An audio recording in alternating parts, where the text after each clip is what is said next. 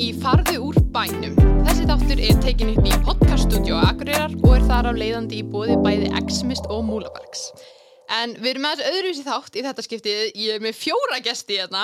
Þetta er, þetta er, uh, þetta er svaka dæmi. En hérna, ég ætlaði bara að byggja ykkur um að kynna ykkur aðeins þannig að fólk geti fengið að kynna ströndin ykkar. Já, sælverði Hlín Reykdalið ég og er skarskrippahönnur og einn af eigundum Kíosk sem er tískurverslum staðsett út á Granda, Grandagara 35. Woohoo! All right, Helga? Helga Lilja heiti ég. Ég er með fyrirtæki sem heitir Beða heilsanir í slip eða Barnes og er líka einn af eigundum Kíosk út á Granda. Já, og ég er Eigló og með merkið Eigló, mjög egocentrist og ég er einn eigandi Kíosk líka, fata hannur, sem sagt. Dúsa heiti ég og ég er annar eigandi Stefansbúa P3 á Sant Stefán Svan og er líka með Íslandsmerki sem heitir Skaparinn. Gekjað. Og þeir eru allar hérna aðgreira því þeir eru með pappaverslun Já, í hofi sem verður þetta búið núna þannig að vonandi, vonandi fóruð þið. en við erum komna inn í dag til að tala um margt sem tengjast tísku heiminum, fast fashion, slow fashion og bara svona það sem þeir eru búin að vera að bralla og svona. Hvað, þú veist, þeir eru allir búin að vera ótrúlega lengi í bransanum, eða ekki? jú, ætli Dúsa sem samt ekki búin að vera lengst á okkur sko. Uh, Ég er auðvitað búin að vera lengst. Hvað ert þú búin að vera lengi? Ég er búin að vera uh, í 20 ár. 20 ár, geggjað. Og hvernig finnst ykkur hann hafa, ef við byrjum á þér túsa, hvernig finnst þér hann hafa breyst svona á þessum 20 árum? Íslenski fattabransin. Já, Já, það er náttúrulega komin fleiri hannur, myndi ég segja. Það er náttúrulega þótt að það sé nú eiginlega ennþá þannig að kíosk er nú svona leiðandi í íslenski fattahannun, verði ég að segja. já, Já, við erum fimm. Þetta er náttúrulega, hérna, já, vanta Magni, eða ekki? jú, Magni og Anitu. Já, Hérna, sem sagt, kosturum við það að reka verslun saman eins og við erum að gera kíosk, við erum fimm, sem sagt, er að, hérna, uh, við náttúrulega splittum leigunni og splittum vöktunum og svona, en þú hýttir alltaf eina af okkur í búðinni, sko, og svo kvöldu milliliðalaus verslun. Frá raun og veru. kúnni. Já, þetta er svona eiginlega bara besti saumaklúpur, sko. þetta er Professional. Já, við gerum grínaði oft og kallum þetta að við séum í svona professional saumaklúb. ah, er það ekki draumurinn bara? Þetta í er höfuð, Þetta sko. er náttúrulega bara náttúrulega bestu samstarfskonur sem hægt er að hugsa sér og svo er það annað en bara að splitta leigunni og vera, við erum náttúrulega allar með búin að reka okkur eigin fyrirtæki og vera í bransanum flestar, já allar yfir tíu ár og reka okkur eigin fyrirtæki og prófa ymmislegt, við náttúrulega stopnum sumur af okkur stopnum kíósku sinnum tíma, aðrar eru komin að nýjar inn og fleira. Um, svo er bara svo margt sem tengist í að reyka fyrirtæki eins og kíu sko. það er, og við splittum því mjög vel og við erum svona með frekar svona agað og gott góðan fyrirtækjarekstur í kringum þetta sko, í dag. Svo líka svo fínt að hafa svona afsakanir fyrir vinnuferðir svona til akkurar eins og núna. Hérna, sem verður með pop-up í hofi. Hérna, og fara allar saman ógislega gaman ótrúlega gaman Já, dásamt að vera komin til Akureyrar það er alveg bara, það ekki. líka svo hefna með veður Hún tekur vel á móti ykkur, já, Akureyrin. virkilega, já Þetta er náttúrulega bara snilt, sko. En eins og að því þú sagðir á Íslandi, finnst ykkur hann, er, er hann tölvert öðruvísi hérna heima heldur en úti í, í Evrópu? já, Og hvernig öðruvísi? Já, sko, hérna heima náttúrulega, sko, við þekkjum stöll já, já, og já. það er alveg svolítið svona þjætt hengslanett sem að við getum já og við getum, við erum líka sko, við leitum alveg ráða til hvers annars. Og hérna við erum, við erum kannski varða ekki þannig samt sem áður fyrir, fyrir 10, 15 ára, 15 ára, árum, þú varða ekki þannig. það hefur svolítið breyst sko. Já, hvað fólk er viljur að deila bæði bara svona sínum kontaktum og sinni reynslu og gefa ráð og bara svona hjálpast að. Það er einhvern veginn, það er svona þú vilt ekki vera eini fatahunurinn í Reykjavík, sko. Það er en- engin kostur við það ekki fyrir Nei, sjálfaði heldur, sko. Nei. það er hérna, því sterkar sem senan er því betur gengur þeir raun og veru. Veist að það sé umtalað sem sagt að að það sé gott mála gangi í íslenski fatahönnun og hérna, já, mér finnst það bara svona styrkja okkur allar að hafa sterkari senu. Ég líka að því þessi grein er svo ung hérna, það held ég að, og sérstaklega setna árum þá sé einhvern veginn landin sæki meira og finnist bara gaman að vera í íslensku hönnun og svona stundum alveg bara stolt af því hvað íslensk fatahönnun er komin hátt plan að því það hefur náttúrulega fjölgað og professionalismin orðin meiri, náttúrulega, eins og gerist og þú veist, oft handgert og þannig ég held að íslensk fatahann er bara ótrúlega góður leið, myndi ég segja. Já, og svo líka eins og þú veist með íslenska fattarinn, þú veist, mi- mikið af þessu er handgert eins og bara næstu að para við bara eitthvað hot couture sko sem myndi kosta sko miklu meira úti en þú ert að fá í raun og veru þetta er ótrúlega fínu verði þú veist, íslensk fattarhönnun með við kannski sambarileg merki úti það er svona við erum hérna allan að sérstaklega sem er kíosk það er allan að mjög sangjant, þú ert að fá þarna beint frá kunni Eru þið flestari að sauma fötin einhver sjálfar eða eru þið með teimi eða fyrir þetta í einhverja verksmið eða Ég er til dæmis með eina bara saumakonu út í sveit í Íslandi sem að vinna fyrir mig. Uh, sum stykki ger ég sjálf og það er líka svo skemmtilegt við kíósk að þú getur sko testað einhver stykki. Ég hef alveg komið með einhver fáraleg dress sem ég heldur myndi ekki selja sneitt og svo er það stundum fyrstu dressin sem að... Þú ert líka bara að gera góð að sauma. Það er Já, það ég- ekki allir. Já, Það, þú veist, hún Það er góð í höndunum. hún er ég gerir sumt sjálf sko af svona skrítnari písum sem að gera bara mjög lítið af. Já, akkurat En það sem er náttúrulega, já, með fattarinn náttúrulega það eru, þú veist, allt er, fram, það er eitthvað framleitt á Íslandi og eitthvað á Akureyri með þessa. Svo er, eða í Evrópu. Þannig að, og eins og ég sem er skarkjöpahönnur, það er allt framleitt af mér á minni vinnustofu. Það er bara hver einn og einasti hlutur. Þú er- gerir allt ég sjálf? Ég gerir allt sjálf, já. Auðvitað, þegar, þú veist, það koma álagspunktar, þá hef ég fengið til mín fólk sem hjálpa mér. að sjálfsögðu þegar ég er ekki að anna og hérna, en annars mm, hvernig bara haldi í þá, mér þykir svolítið vænt um það að gera það þannig við erum ekki með þessa massa finnst einhvern veginn og líka þetta persónlega tal við viðskiptöðunum mína og ég þekki bara ótrúlega mikið af fólki líka, bara gegnum það og er bara í persónlega sambandi. Við mikið af mínum viðskiptöðunum sem þykir mjög vænt um. Mm Akkurat. En, en þú Helga, ert þú að saumur fötin sjálf eða ertu með fólki í vinnu eða hvernig? Já, nei, ég, hérna, ég er sem mest megnis í prjóna fatnaði. Mm. og það er allt prjóna fyrir mig út í Litáin. Flott. Rétt.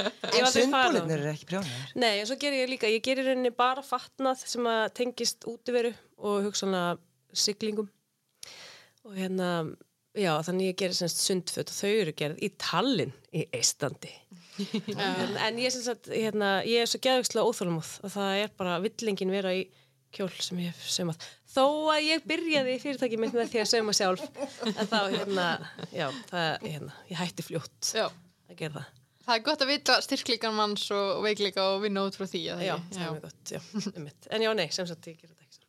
Nei. En þú veist það bara ekki, ég er bara forvitin að vita einhvern veginn hvernig það svona virkar því maður veit svo mikið með þessu stóru merki úti, maður veit að eigendurnir eru ekki að sauma þetta sjálfur Já, nei, alls. þannig að það er forvitinilegt að vita hvernig þið gerir þetta. En hérna, þú byrjaðir í fatahönnun hlín, er það ekki? Jú, jú, ég er mentað að fatta hennur Þú ert mentað fatahönnun Já, og fórst svo yfir í skarkröpuhönnun Já, Já, ég fylgir þetta. Ég, sko, hefur verið þar mjög sterkur, mjög lengi, sko. Og, en ég, þegar við stopnum Kíó, sko, 2010, þá er ég með prjónulínu sem ég er búin að hanna og er með prjónukonur út um allan bæ sem er að gera tilhörni fyrir mig og er að prjóna og saumakonur og það er verið að gera alls konar sem áttu um þetta að fara að sitja svo í framleiðslu. Ég er líka svona úgeðslega óþálamóð á bara, bara og það líka líkt mér svolítið út í að vera fylgjulitanur en ég er rosa, rosa fyrir hérna, smáadriði og rosa vandvirk og allt það.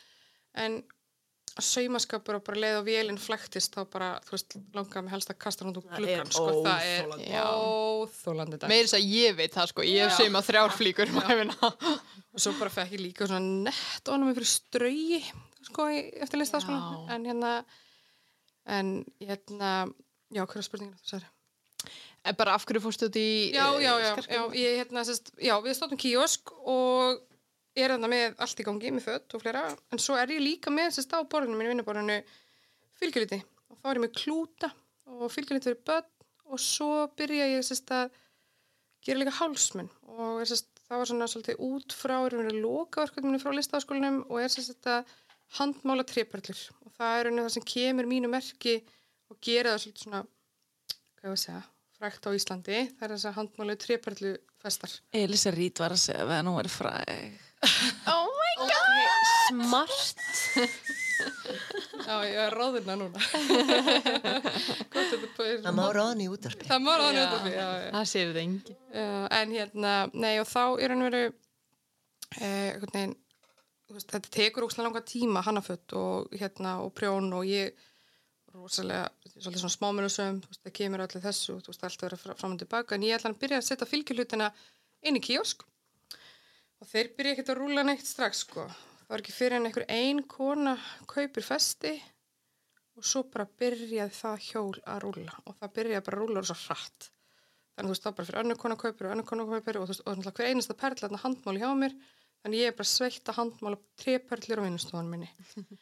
Og áðurinn við það þá er ég komið þú veist tvo starfsmenn í fullri vinnu bara við það að handmála treperlir með mér Vá. Já, og ég að stýra, þú veist bara, þú veist, þá myndi aldrei neinn festi vera eins, það var rosa mikið atrið fyrir mig að því að þetta er svo lítið land að þú veist, ég vildi ekki að tvær konur myndi hittast og veist, vera með sömu festina í búð og, mm. nei, hérna í hérna, ykkur partí og svona þannig að þá eiginlega, já eiginlega mér var, þú veist, bara örlegin tóku þú veist, mig bara og settu mig eiginlega bara á þennan stað og svo einhvern veginn bara rosalega ástriða fyrir skarkripum og fylgjulutum og ég er bara búin að vera þar núna í hvað? Það er að vera 14 ár. Hvernig er tilfinningin, þú veist, þegar allt fer bara að rúlla og þú veist bara, oh my god, þetta er bara gerst eftir eitthvað að taka þetta inn eða? Nei, og ég var svo róleg yfir þessu sko. Ég bara einhvern veginn nei, ég einhvern veginn mér fannst bara óslega gaman. Og, fannst, og ég er ennþá í dag því ég sé konu með skarkrip eftir mig ég fer alveg hjá mér, mér finnst það alveg bara Æ. mér hlýnar alveg, mér finnst það ekkert smá gaman. Ég hérna og veginn, það er mesta rós sem maður fær, þegar maður sér eitthvað út í bæ bara í bónus eða eitthvað Já, bara, Ég verði að segja svona eitt að það sjá einhvern, að því við erum báði búin að vera svo lengi í bransanum, í einhverju sem að bjóð til fyrir átta árum já, síðan. ó, það finnst mér skjæðvikt. Já, já. Ég sá píu í kjó, fyrsta kjólum sem ég gerði, ég var bara eitthvað, what?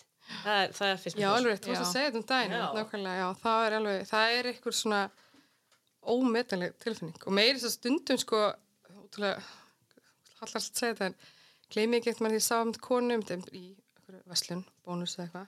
Og, og ég sé nú festina og þú veist, sumafestina voru svo sérstakka fyrir mér að ég myndi hvað lag ég var að hlusta Vá. þú veist, og bara hvað ég var að hugsa hennan dag. Og ég bara, já geggjað, en hún alltaf vissi ekkert hver ég var þú veist, þannig í bónus. Það glápa þessa konu þannig, já, það Er ekkert að fara, þú veist, upp að þeim eitthvað, halló, Nei, ég, ég ger þessa festi eitthvað, ég ger hann ekki Nei. Og ég segi alltaf, flotti kjál. ég læt það alveg heyra. Gerir það alveg? Já. Já. Mér finnst það geggjað, sko, ég væri bara, oh my god, takk Þetta væri bara Ég snill bjóðum til alveg sjá. ég gera hann þegar það komin í búð til okkur en einhvern veginn svona ekki alveg svona í einhvern stöðum í bæ Þegar þetta er að fara að testa fólk svona, hvar fjekkstu þennan kjóleira? Hann er æði, þetta er eitthvað hvort að viti. Svara við komið, æ, þetta drasli við þetta. En er einhver svona, mér líður svo óþúlum að ég sé eitthvað þema hérna. Hvernig eru þið, Dúsa og Egló, er þetta eitthvað svona, eru þið báðar óþúlum áður? Ég held að við séum bara mjög þólum. Nú, Þess vá vegna erum við að sauma og sníða og, og svo losna þráður úr ofleikvelinu og maður tekur svo alveg hálftíma vegna sem við erum mjög þólum áður konur. Vá. Ég var næstu svona reyði hjartanu þegar þú sagði þetta. Hálftíma einhver óvölokkvél að þræða þráð. Nei, að vera senaður og líka eitthvað sko, sem ég hérna, ég er búin að degra sjálfa mig svo mikið í drast sko, að hérna, ég neita bara að setja á mig einhvers konar stresspressu. Ég hata stress. Já. Ég nenni ekki að koma mér í einhver svona aðstæður og ég, ég hérna, vil ekki skapa nema ég njóti þess. Auðvitað þarftu, þú veist, að svolítið svona get to work líka en mér finnst það sér bara ógæslega mikilvægt að þú sjáur ef við notið þess að skapa það sem ég er að skapa og ég nýti þess í botn Já. og, hérna, og það þýðir líka þá og þetta gefa þér hérna, tíma til að fara í göngutúra og fara bara út úr húsi þegar það er gott veður og hitta skemmtilegt fólk og dúlast eitthvað út í bókabúðu og svona, þú veist, það er líka partur af vinnunni. Ég raun að vera helmingurinn sko af vinnun okkar gerist hérna í haustum hjá okkur. Og svo bara stötu fyrir síninga og fyrir allt í gang, allt bara fullt spann, langi vinnudagar, du, du, du og svo er það ready. En hérna, hérna, þetta er náttúrulega ekki eins og hver önnur vinna, þannig séð. Það er svo lengi sem ert að láta matla í kollinum hjá þér og lifa þið þróast Já, þú eiginlega tók um svona smá tal á mig nefnilega því að ég einhvern veginn, Já, ég fór að skamma þig. hún skammaði mig alveg. Var það ekki fyrir að vinna um mikið? Jú, það var fyrir að vinna mikið. Þá hérna, ég einhvern veginn leita á þetta og tók þessu einhvern veginn þannig að vera bara alltaf með svona aga á því að ég var að mætti á vinnustónu klukkan hálf nýju og mér veist ég bara búin mjög snemma, ég er búin klukkan fimm, þú veist það er einhvern veginn bara svona stefningin hjá mér og hérna og náttúrulega búið að vera, auðvitað er mis mikið að gera í bransanum allt það, allt það sko, en eikló einmitt þurftu að hérna, svona, fyrir svona sagt, nei, nú fer þú í sundl og hérna, nú fer þú í göngutúr og, og Ekki að hafa sko orða á þessu í bílnum og leiðinni áðan. Já, með hlýni bara mætti alltaf að vinnustofnum á klá nýju, sko. Það er bara aðeins að slaka á henni. Ég elska hvað þeir að passa upp á hver aðra Já, svo. já. það er geggjað sko.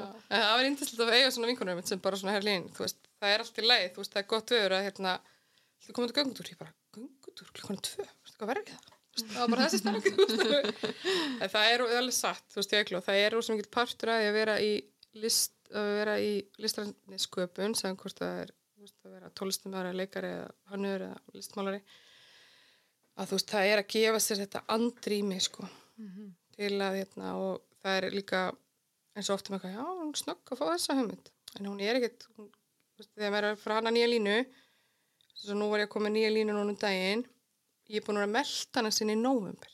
Það er oftast og bara hjá okkur öllum það tekur oftast um svona hálft ár að koma með nýja línu.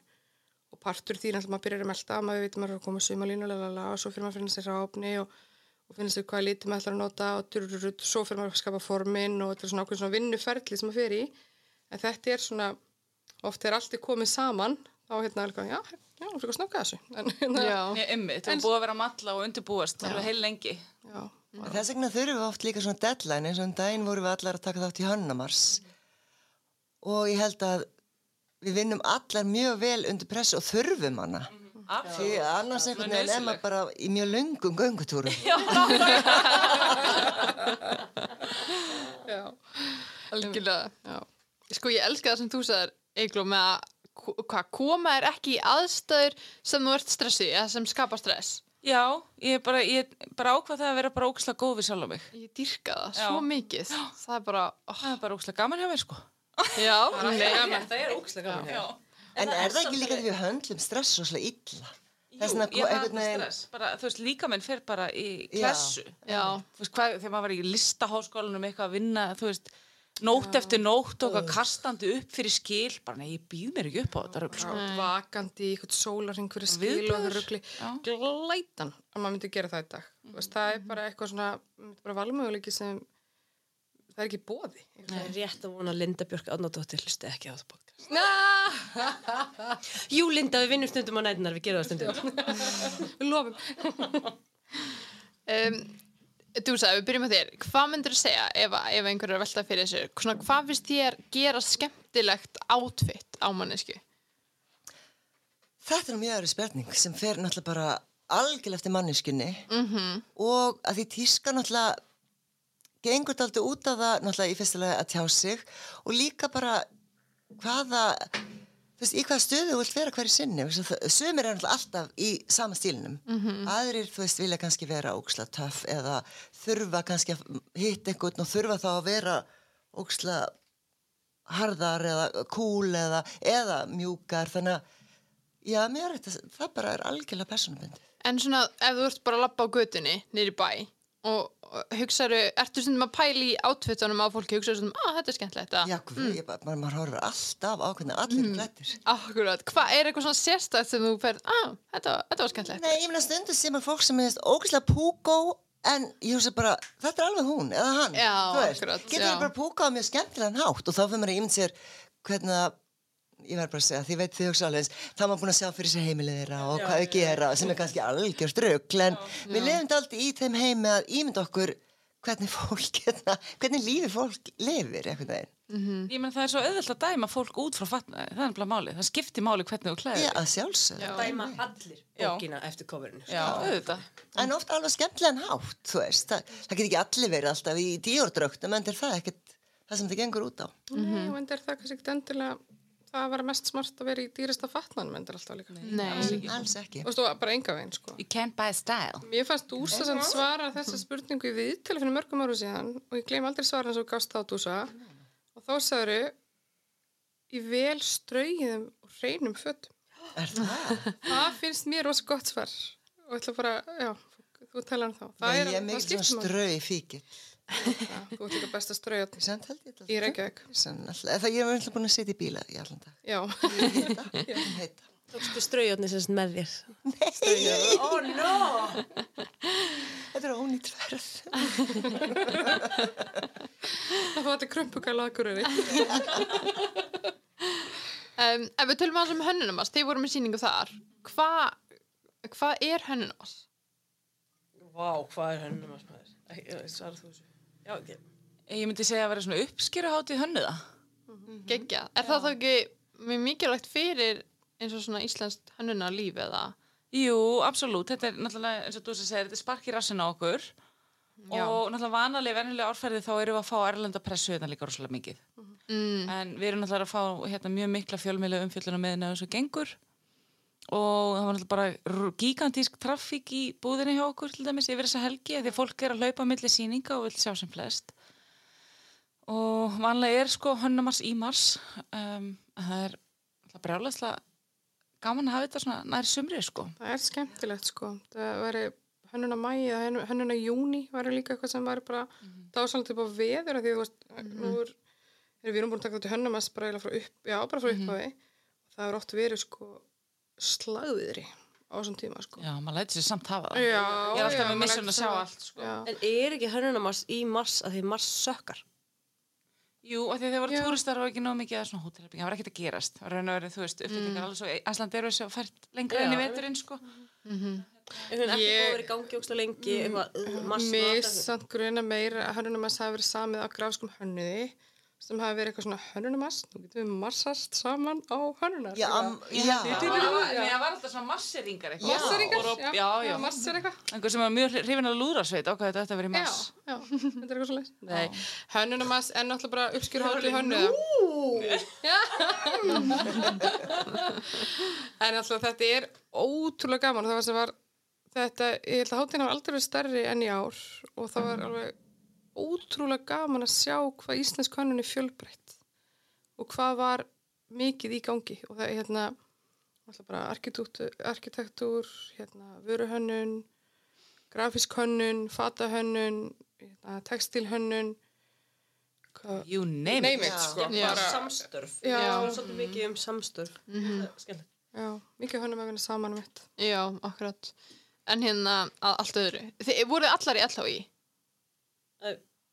Ef ekki að klára hönnumars. Jú, ef, Já, jú, já. vil ég segja frá einhverju, endilega. Að hérna, við erum talandi um samstörf, þá var mm -hmm. Dúsa og Hlín voru hérna unnu saman að skarkrabarlínu.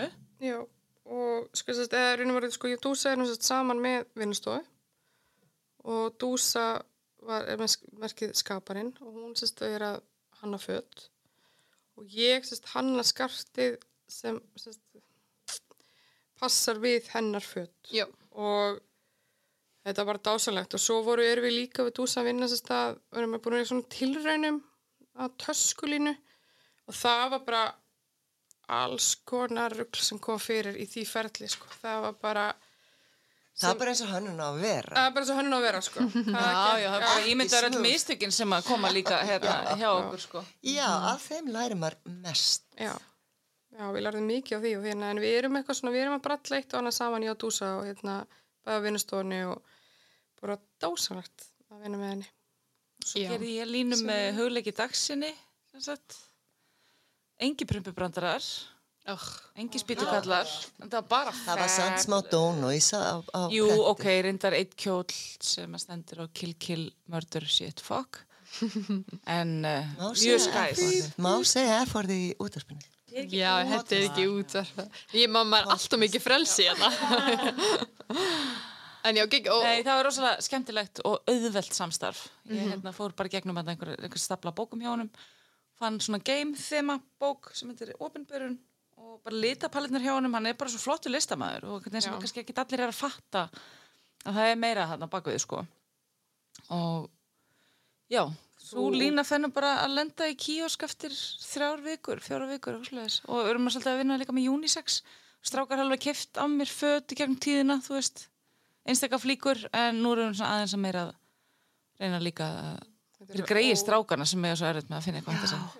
Þetta er bara svo ótrúlega flott lína hjá Eigló og það var svo magnað að, að því að þú sagði mig frá þessu samstarfi, hvenær var þetta? Bara eitthvað í eða eitthvað í fyrra Já, sem þau fyrir að tala saman og fyrsta sem ég dætti voru þarna spýtukallarnir og, og kúkabrandarar Mhm.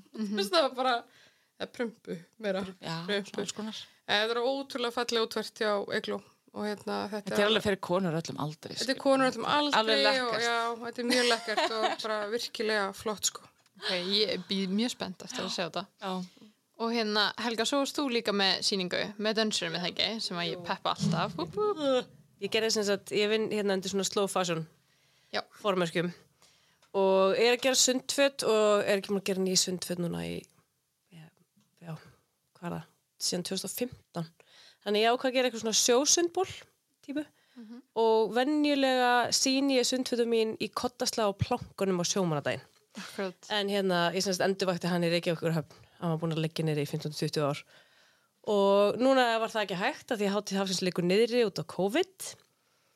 Og sem að hins var, ætti samt að geta verið núna. En já, skipti ekki máli. Ég hérna ákvað þá að vera með synchronized swimming í Vesturbælauginni. Og fekk hérna koreografurinn Ingumarinn með mér í hópin. Og það var bara geðvegt. Ég var með geggjaða dansara og já, þetta, hérna, þetta, fór, þetta var framar öllum vonum ég var rosa ánum með það algjört listaverk já, þetta var það já, Ég er alveg stolt af þessu, sko. Já. fallegt og hérna já, það, þetta er í annað skipt sem ég tek þátt í hönnumar sko Já, ok. ég er ekki svona, já, ég var með hérna þegar ég gerði fatalínu ég er semst annar merki sem heitir helikopter. Og þá vann ég einu sinni línu sem hétt við hittumst alltaf aftur sem ég vann með fyrirvændi kærastara mínum Halldóri Erni Ragnarssoni myndlistamanni og já, það er eina skipti ég síndi þá línu á Hönnumas og það var einmitt slagviðri, það var bara rugglað viður Ég man eftir því. og þetta var í eftir því. vinnustofuna Já. sem brann Ég komst man ekki, eftir því, jú. það kom allir það bara, við vorum bara, ok, herðu, það er bara ég sé ekki út um gluggan, það er bara ógslitt veður við erum bara einið með ógslitt mikið bjór bara, hei, skál, wúhú og svo bara fyrst, fylltist allt og það var bara partí í fjóra-fimm tíma, þau sem bara sópa fólki út, út með rustlinu en já, þannig ég valdi tvær sýningar á Hannumars báðar hafa gengið svona glimrandi vel Já, það er gott pepp. já, tóni Já. En hérna þegar þú sagði síðan að þetta er slow fashion, hvað, hvað er slow fashion? Sko, slow fashion, einmitt, hva, hvernig orðum maður þetta vel? Þetta er hérna, þetta er þegar þú framleiðir, ég ætla bara að útskjara það mitt, mitt merki í rauninni, Já. það er eiginlega einfaldast fyrir mig þannig, að ég sagt geri peysur, unisex peysur og svo bara fyrir hvern menn, sem að ég bjóð til eina peysu árið 2013 og svo peysa er ennþá í framleiðslu hún kemur alltaf, hún er alltaf til svört svo kemur ég bara með nýja liti og þetta er, þú veist, þannig er ekki verið að búa til ný sínishotn sem er ótrúlega mengandi af því að oft eru sínishotn bara eitthvað rugl sem endur bara í ruslinu, þá búið eða þú veist, alls konar pappir bla bla bla, sendingakostnaði, efnum alls konar til þess að búa til og það verður að engu. Þannig tekur maður það ferðlega algjörlega út og kemur bara með nýja liti þannig þarf í rauninni, þannig sé aldrei að fá sínishotn þessi getur bara fengið framlýsson í hennar. Já. um, og já, þetta er rauninni mun minna mengandi heldur en allt þetta ég kem með hérna ég bý bara til nýja hluti þegar mér sýnist. Að því vorum við að tala um áðan að vera með hugmynd í maganum. Ég með þrjár peysur í höfðinu sem ég er búin að ganga með í höfðinu og maganum í átta mánuði. Og ég bara það eina sem ég þarf að gera er að setja það á blað. Og ég er bara eitthvað, já, nei, þetta er ekki, þetta er ekki tilbúið þá býð eftir að elsku peysunar komi, en já, slow fashion snýst um sem sagt þetta að lúta ekki lögmálum hrað tísku, það er bara tísku heimsins. Eins og hann hefur verið rosa lengi en er rosa mikið að breytast, þú veist það var alltaf bara vor, sumar haust, vetur, bara bam, bam, bam, bam, bam allt ókslega hratt. Já, og svo líka millilínur og milli þess. Já, ég meina þess að það, var, það var alltaf bara sko, sumar, og, sumar og vetur. En núna er veist vor, veist það er bara prí brr, brr. þetta er svo mikið bull, þú veist þetta er ekki hægt. Við getum ekki notað jörðina svona mikið þetta er, ekki, þetta er allt of hratt. Ég, mér finnst líka sko að því að slow fashion er held ég líka ansvari við það sem heitir í þetta trend sem er kannski ekki alveg að sama og tíska það er náttúrulega meira stíl Já, en trend, það er verið að segja þetta er trendi núna, þú verður yfir í útíðum buksum og eftir mánu verður yfir í svona buksum Já, og þriða mánu, það er trend og, og er meira klassík. an- Já, Já, miklu meira sko. Þannig að þú kaupir hérna peysu Ef maður fyrir ekkert í pólitíkuna, þá er það einmitt Já, stutta versjónin þakka þér fyrir. er, fyrir myndi ég segja. Já, algjörlega fyrir utan þræla kistun og allt það Já, er já, já, já, einmitt, það- einmitt. sem við ætlum ekki endilega að fara út í Nei, nei, nei, en nefnt, það, það, það er svarið Mhm. Tada! og fast fashion sem er þessi hröð tíska það er þá fyrirtæki eins og H&M og þess að þessi Primark Primark Sara. Þú veist, Sara, já, þegar verið að taka þú veist, föt sem eru búin að vera á þú veist, á tískupöllunum og gera í rauninni nákvæmlega sama og koma með það bara liggu við áður en fyrirtækin sjálf sem að síndi þetta þú veist, Þetta á var alveg pöllunum. vandamál sko að, hjá hérna, þessi, já, að þeir voru að byrja að taka eftirlíkingarnar komna með þær í búðinir sér áður en stóru fyrirtækin sko Já. voru búin að því. Og það líka breytti hjá mörgum þessum stórfyrirtækjum. Þeir ákvaða að vera ekki að sína tískusýningum hálfið ári áður heldur margir tók upp á því bara herru nú bara að síning og svo er þetta bara komið í verslanindar á sama tíma. Já, en það sem er svo erfitt í það er að þú veist, ástæðan fyrir það var halva ári áður er að þá höfðu verslunina tíma til þess að panta. Þannig að það var bara framleitt eftir. Það er bara stærstu fyrirtækin Já, sem geta gert já, það já, já, en, en, en samt eru framleiðslu, þú veist, þar eru fyrirtækin að framleiða, þú veist, ógísla mikið í einhverjum stærðum og einhverjum bla bla bla sem að síðan selst ekki. Hvað verður um það? Það fyrir allt í urðun, þú veist, þannig að þetta er líka hættulegt. Veist, í rauninni þá, þú veist, bara, það er allt af þessu, þú veist, bara, fast fashion er bara að drepa þessa jörð. Það er nú bara Já. þannig. Við getum náttúrulega rætt það í alla nótt en Ég held samt að það sé alveg mikilvægt að tala aðeins um það því ég held að fólk viti, eða þú veist, þið náttúrulega viti svo mikið um þetta því að þið eru í þessum heimi en síðan þegar maður er ekki í heiminum þá veit maður ekki jafn mikið um þetta og ég held að séu bara ótrúlega margir. Ég var hann fyrir sko mánuði en hérna, að þú veist bara versla í bara H&M og bara eitthvað að því að maður var ekkit Þú veist, maður bara kaupið sér peysa því maður langaði peysu, maður var ekkert endilega að hugsa að því að þessu auðvitað hugsa bara, æ, þetta er bara þrjúður skall, skilur, og ég veit, ég mun nota hana allavega út sumari, skilur, og svo svona þegar maður veit um þetta allt saman, fast fashion heiminn, þá er maður bara, oh! það er eitt sem er svo ógísla erfitt við þetta. Ég, hérna, ég var í einhver viðtal út í Berlín fyrir einhverjum árum síðan á Fashion Week og þá var einhver gauð sem kom til mín og hérna spurði bara, how is your brand sustainable? og þarna er ég að gera rosa mikið digital print og ég er að gera, þú veist, ég var að sauma og alls konar og eitthvað áður en ég semst tek hérna, meira prjónalínun á þetta og einas, einas svarið sem ég hafði fyrir hann er bara eitthvað þú veist, it's, if, you're not, if you're gonna do something sustainable, don't do fashion. Ekki búa neitt til, ef þú vilt passa upp á hlutina, ekki búa neitt til. Finnst eina merkið sem er í alvörunni sustainable er aftur. Hún er í alvörunni sustainable. Hún er bara að taka vefnað sem var búin til fyrir eitthvað x mörgum árum síðan og er að búa til eitthvað nýtt úr því. Þú veist, eitthvað sem er ekki notað. Þú veist, sustainability er svo mikið bullshit. En svo er náttúrulega annað mjög ákvæmt, þú ert að gera til með prjónafatna, þá er hann í raun og verið þátt að nýta allan þráðinn, þú veist, það er ekki Já. cut-offs og hérna, og svo líka bara eins og ég ger, ég panta á ákveð magnað efni sem búin að prenta og til saumakonar, panta smá bats fyrst, sé hvað selst, hvað vantar í stærðum, geta panta aftur, þú veist, hérna, þannig sé ekki að sitja upp með Já, marga stærður og hérna, supply and demand veist, Já, when there's actually demand að þá afsaki hvað er að sletta mikið að, að búa það til, í staðan fyrir að vera með þú veist, x mikið, medium, x mikið djú, djú, djú, og svo er bara með eitthvað heill stíl sem enginn passar í og verður bara einhvern veginn, einmitt, að engu. Eða, einmitt. Það er líka sko með tækninu líka í dag er alveg hægt þú veist, að maður getur, getur fengið vídeo af sem sagt hérna frumgerðum sem maður er búin að búa til. Maður getur, þú veist, bara eins og allir þekkja núna eftir COVID að hérna hvað þetta er þetta, hérna, þessi zoomfundir og fleira, maður getur séð rosalega mikið bara gegnum tölvuskján, þannig að þú veist að vera að senda fram og tilbaka þú veist, prototýpur og fleira.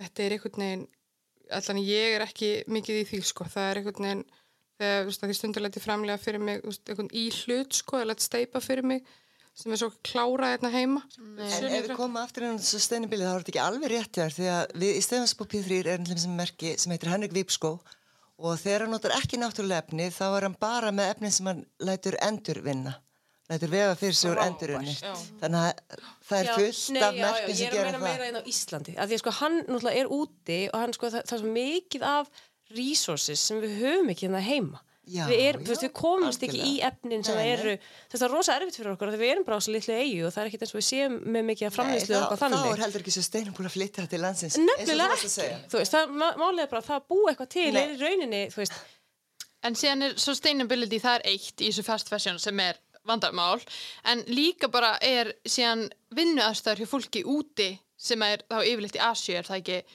sem þau eru að vinna í verksmiðanum Indlandi og bara, Indlandi er eiginlega bara vest, sko. þess að Ok. okay. svona lítið það, börn oft og fólk heldur þau eru að fá svo lág laun en það ættu náttúrulega allir að vita að þau fá engin laun þau fá kannski smá mat og svo sofa þau á götunni -hmm. því annars Það getur ekki verið með þessa lágu borðinu. prísa það er náttúrulega það sem er líka það er ekki bara jörðin, það er líka fólki sem býr á jörðinni sem er að fara opslega illa með í þessu fast fashion Það er það sem ég finnst eiginlega mest viðbjóran í þessu sko. Já. Það eru mannreitindi í þessum yðna og líka eins og með litun á sko efnum og fleira og það voru menn sem fara í lótu upp í heilu sko bara, þú veist, heilu bara sundlegaðnar til að lita, til þess bara rauðan lit og þeir eru bara onni bara á okkurum stuttbuksum og þessum, þetta fólk er að deyja úr krabbamenni eða sjúkdómum eftir kannski fjögur, fimm ár. Það er Já. engin umræð um þetta. Nei. Það er alls konar svona sem er bara hreitn og beinn viðbjöður í tískuheiminum í dag.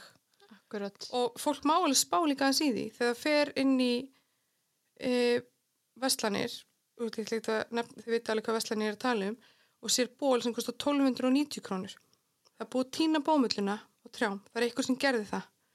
Það er búið að vefa þetta. Það er búið að lita þetta. Það er búið að sníða þetta. Það er búið að sauma þetta. Það er búið að pakka þessu. Það er búið að markasitt þetta og það er búið að fljúa svo um allan heim. En samt kostar þetta undir þúsund krónum. Það kosti jafn mikið á kaffi. Eða skilji, eins og Þú veist, það er eitthvað algjörlega rámt þarna. Og þess að má alveg spá því. Og ok, og svo náttúrulega segja stór fyrirtækin já, við fáum svo góð verð að því við erum að framlega svo miklu massavís. Bla bla bla. Come on sko. Þeir geta skilt sér á baku allt. það er að því það er eitthvað, eitthvað sem er ekki að fá laun.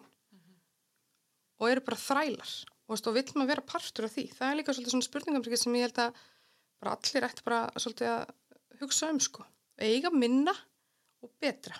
Já, ég meina bara svo Vivian Westwood hefur alltaf verið að tala um, bara buy less, já, kefti betra, já, hugsaði vel um fötið þín. og hugsa vel um Já, ég meina þú ert að strauja kaupa, þú veist, einhverja klassík, þú veist, ég stundum bara að geimi fötir í skáp í tíu ár. ég líka. Og það er hérna, gefum bara pásu. Já. Þú veist, Ég var einmitt að taka upp kjól núna eigló frá þér sem ég kefti af þér fyrir hvað tíu árum síðan. Og hann er svo fallegur og ég er búin að lána, mér stað líka svo fallegt. Ég er búin að lána svo mörgum vinkonum mínum þennan sama kjól þegar það er að brúðkaup og fleira. Mm. veist, ég á kjól eftir skaparan alveg mörg, þú veist, nokkur stykki ekkert mörg, og nokkur. Og þú veist, ég er búin að mitt lána þetta, ég er búin að vera gangi þessu ég, þú veist, ég seti þetta inn í fatapóka ég passa þetta og þetta er bara svona litið eins og mamma mín er fætt 1946 og ég horfði á hana ganga rosalega vel um fötin sín og tengda með mig veist, töskurnar eru settar í póka skotnir eru kemdur í kassa veist, allt þetta, ok, ég skal alveg viðkjöna ég hef alveg dundra fötunum mínum á í Satnarbyrgi, þú veist, ég er ekkert eitthvað heilög sko, eða á gólfið skilur, það er alveg a- allir gera það. En svona bara, ef maður veist, bara be, bera svona smá virðingu fyrir hlutunum. Það er allt eitthvað sem, að skiptir ekki máli þetta skortið svo ótrúst, ég fer bara íka og kaupa nýtt. Uh, byrju, ok en þú veist, hvað ertu með á tíman veist, hvað, hérna, það má alveg vil ekki freka bara ferðast eitthvað, skilur eða eitthvað, þú veist, gera eitthvað annað skemmtilega fyrir peningana hérna Já, algjörlega, Fó- fólk hugsa þetta alltaf mikið út frá peningunum í staðan fyrir hvað er actually að fara inn í þessar flíkur. já, En e- eins og þú varst að segja með hérna manneskjöldnar sem eru að að lita fötin og eitirefnin sem kom út frá því. Ég sá um eitt, ég þór ekki alveg að fara með það því ég, þú veist, þetta var bara einhverja mynd sem ég var að horfa en það meðalaldurinn þar var bara eitthvað 25 ára eða eitthvað. Eitthvað fáránlega ónt sko. Þetta er oft börn, sko. Já, og ég hef ekki sjálf farið til Indland, sko. En ég á vinir sem hafa farið ángað og bæði tískuheiminum og ekki. Og ég held svona að fólk eru farið ángað það er engan sérstakann áhuga að vera framlegar, sko Nei, hefur hjarta Ég sko. farið ánga og mér langar bara aldrei að fara ánga aftur. einmitt, já, einmitt. ekki að framlega þú veist, föt, skilur, já, einmitt. Og þú veist þess að ég í skarfskripabransunum geti ímyndað ykkur hvað eru kjöru tækifæri fyrir mig til að græða sem mestan pening og því að láta framlega fyrir mig í Indlandi. Mhm. þetta er náttúrulega þvílíkt sko handverk sem þetta fólk hefur fyrir engan pening. Ég bara myndi ekki svo nætnar það er bara, ég mun aldrei fólk það væri bara laun eða vinur fyrir mig. Og ef ég, ef ég gefna að borga laun þá ger ég það sjálf. Já, það er bara svolítið þannig. Já. ég held líka að fólk gerir sér ekkert oft alveg grein fyrir það, veist, þetta er þrælkunni vissulega eitt sem þetta er, skilur, og það vissulega til, en síðan er þetta líka oft bara fólk sem er bara, það er ekkert neitt til að vera þarna, en ef það hættir, það hefur það ekki neitt annað til að lifa og það á kannski þrjú bönni eitthvað, þannig að það þarf bara þessa örfáðu. Það er nefnilega staðan. þarna Já. úti. vinkonu mínu mitt sá, það var heil rúta hún segi, að, er þetta skólarúta? Nei, það var að hrúa öllum, all, eða engi belti þetta var bara inn í gám, sko það bara að og, það var- og yngstu, yngstu börnur voru fimm ára yngri en, þú veist börni mín, sko þau og hún spyr eitthvað enna og segi, já, þetta, þau eru að fara að vinna Já, einmitt. þú veist, þau eru ekki að fara í skóla þau eru ekki að að vera hérna á Akureyri. Já, Já, Akkur, nei, en þetta er alltaf sem betur fyrir, við, í- þú veist, með okkar, við erum svolítið meðutur um það, um í kíósk og skaparinn, að þú veist, það er mikið frálandinni heima og í Evrópu og við fylgjumst vel, eins og þú, með saumakonuna þína, hérna, hérna, hvað er hún, ég Íra? Við bara nákvæmlega hver býti fötin. já. Já, Það er geggja. já, Mm Algjörlega sko. En þetta er líka svo sorglegt að því að maður er bara eitthvað þú veist, þessi peysa í H&M eða eitthvað þá bara, ó, ég var til í að borga bara tvö skalli meira. Og þau fengi bara almennilega að borga það skilji, það er ekki svo peningar sem vandamálin fyrir okkur ef við erum að versla okkur föt á annað borð, skilji. Mm -hmm. að því, þú veist, sumt bara í H&M og þú veist, bara eins og Sara, þú veist, þetta er allt, þetta er margt á þessu bróksla flott, Já, smart og þetta er tísku og þetta er bara, Já, það er náttúrulega vegna sem því stólið frá. að því því stóla frá, nákvæmlega, þú veist, og það er lástaði fyrir, já, nákvæmlega. En síðan náttúrulega þarf líka að vera einmitt til millivöruna því að það hafi ekkert allir efna á að kaupa sér frá Nei, prata nei, og eitthvað. En, Nei, Það var bara- þess það var bara- eins og, og hlýn var að segja, þegar mamminar hérna, fór svona vel með fötin, það var líka gert við föt og þú veist, það var bæði farið vel með þau og bara gert við þau, ef það kom eitthvað upp á. Í dag er þessu bara hend, mm -hmm. saman hvort það er dýrt eða ódýrt, í rauninu oft, nema náttúrulega, við gerum náttúrulega við Já, ef þarf, sem þarf náttúrulega. já, En Mér er samt ekki þótt svolítið væntu að þetta klæðskirinn á hverfiskutu í, í Reykjavík, þetta er Hassan og það er ósað mikið að gera í honum. Mér finnst margir að vera, það er eins og sé Já. einhver sko, Það er einhver vakning. Er einhver vakning, Já, sko. Sem Það er já. loksins, Já, loksins. eftir langa pásu, sem er aðeinslegt. og, Og fullt af sögmakom út um allan bæ sem já, er og að gera sauma konu nokkur og hlýða nokkur út á granda. Já, að hann. brjála ekki á henni og hérna, það er einhvern veginn, þannig að fólki er að, sérstaklega átt dýra flík sem þú er svolítið svona fjárfest í, já, þú hendir henni ekkert á gólfið eða, þú veist, eða bara annarkvæmst lætur hann að ganga, gefur hann að selur hann eða lætur gera við hann það er einhvern veginn og það á svolítið að vera má sletta attitúti í dag. já, nei, algjörlega sko. En hvernig, þú veist, eins og vitið með eins og bara nærföt á Íslandi að því ég fyrir um daginn og ég fór í kringluna og ég var eitthvað, ég þarf að kaupa mér bæði brækur og sokka að því ég var bara eitthvað, það er svona þ- þrjú pör eftir eða eitthvað í skuffunum minni. Og ég var bara, svo var ég bara hvert á ég að fara? Einmitt. Já. Aha Ég er ennþá í sömu nærbúsum frá 16 ára, þannig ég hef ekki hugmyndum. Og ég eigló, kauftu þau nýja verðbjöksu fyrir græða alltaf. Ah, einmitt. Já, þetta er góð spurning sko. Hérna, ég, ég held að engin íslensku fataðunar gerir nærföt svo sem, en En þú veist, er eitthvað af þessum búðum sem við svona þekkjum og eru vinsalarinn á Íslandi fyrir utan, þú veist, kiosk og íslenska fatahönniði, er eitthvað af þeim sem að maður getur svona versla við með ok samvisku eða? sambúðin náttúrulega, hérna, sem er í ármúla, síðumúla, þau eru náttúrulega- Sambúðin. það eru nokkur, það er svona svipa koncept svolítið eins og veist, það eru nokkra vestlana, nokkur fyrirtæki, náttúrulega ekki, þú veist, íslensk hönnun, Nei, en já, það eru náttúrulega sælt Já, nærföt. þau eru mjög svona, í, uh, gefa út að það að vera eco-friendly. Já, íkofræðli, já. Já. Og með hérna svona tambusta sem er ekki plasti og eyrnapinna sem er ekki plasti og eitthvað svona. og vitið þið hvar það er, það er framleitt eða? Nei, ekki. Nei. En örgulega bara á Svíþjóð. góða staðnum. Já. Æ, Já, við vorum það allavega.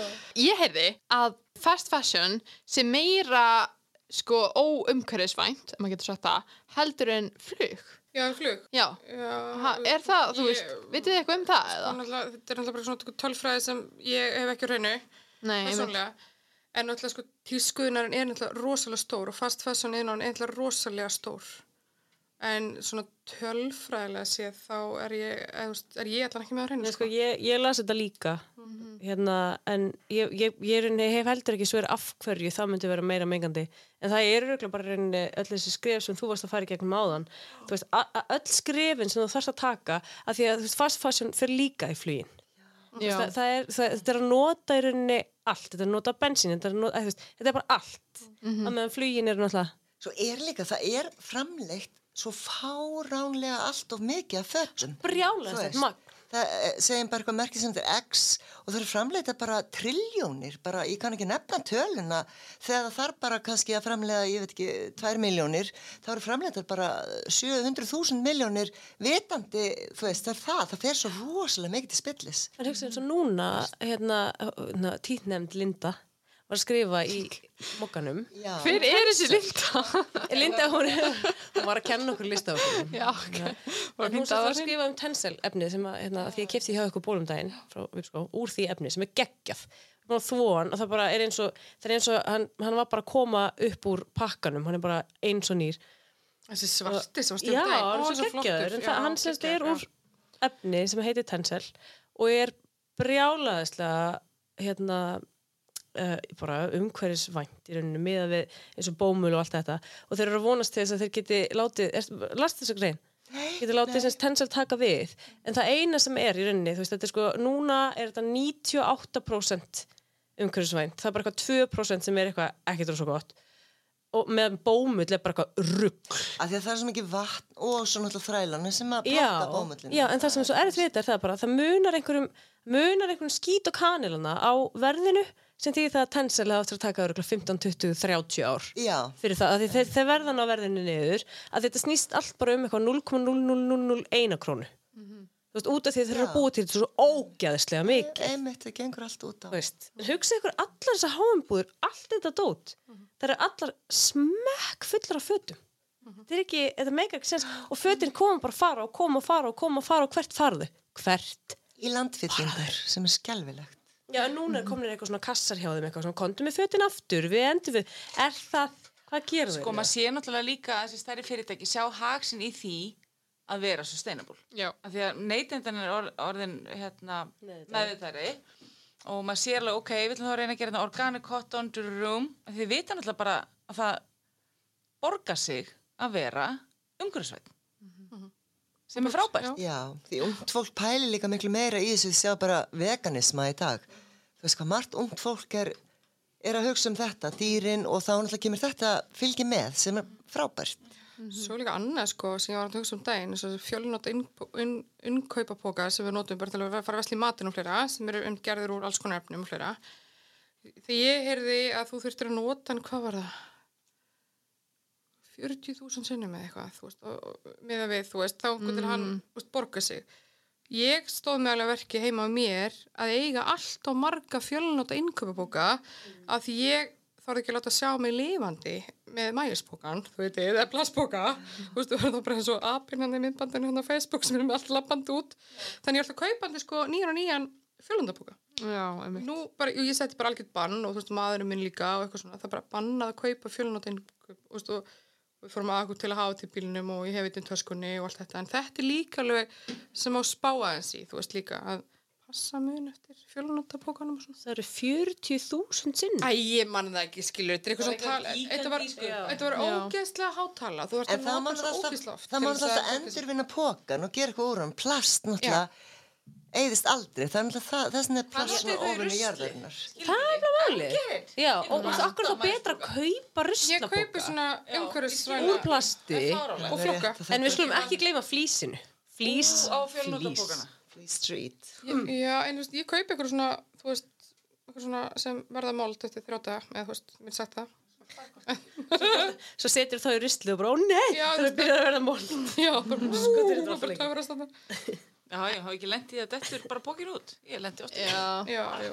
Bí ein, skilur, sapna svolítið lengi í ruslið. Svo bara það fara ruslið og bara bomba. Vá, hvað er umhverfisvært maður. Ó, það er flóki líf. Já, þetta er nefnilega mjög flókið sko og svo eru náttúrulega svo ótrúlega margir að skýla sér á baku það sem ég hef staðið með sjálf á að já, að ég kaupi þetta, að ég síðan gef ég þetta bara á rauðakrossin þú veist, þá notar einhver annar þetta en síðan er bara eitthvað fárana lág prósent, bara eitthvað 10% að minna eða eitthvað sem síðan actually selst af því. Og hitt fer bara á sama stað Sko, það er eitthvað eitt svolítið skemmtilegt sem hefur verið auðvitað það skiptir ekki máli, þú veist, eins og Já, já, sorry, eins og með sko, þú veist, eitthvað. eða gat á flíkinni eða eitthvað leist, þá er það allt flokkað Mhm. fylgst mér. Og þú veist, og einhverja nærbuksur og svona dót sem náttúrulega lætur ekki Já. fá og þú ert að láta þetta allt í rauðgrósin af því að þetta er svo notað í eitthvað svona bíladæmi þú veist, eitthvað svona hvort þessi ykkur bílasvampar eða eitthvað svona heyrði ég, eða þú veist, ég, kannski er ég bara eitthvað ég er ekki hraðlegin, en þú veist, ég er að Kannski ég dreymdi þetta og þú ert að fara að græða miljónir. heyrði, vá, það er ekki Nei, svona þú var að segja þetta upp á. Já. Klippið út, klippið út. Alls ekki Nei, þetta er eitthvað sko með, þetta er eitthvað notað í eitthvað, hérna, og náttúrulega í landfyllinga líka og eitthvað svona, en það er hérna, þetta er notað í eitthvað bíla, eitthvað. Verður jörðin fyrst er eftir frábært. 2000 ár verður bara búin til úr nærbuksum. Ertu að segja það? Notum nærbuksum. Já, já, það verður, já, þetta við það er verið að vinna í eigu, hérna, Já. rétt fyrir utan vestmannegar sem verður eins og nærbuksur í læn. sem mun heita Kíos Já. Heyri, takk herlega fyrir að koma og búið að vera frábært að fá Takk hérlega.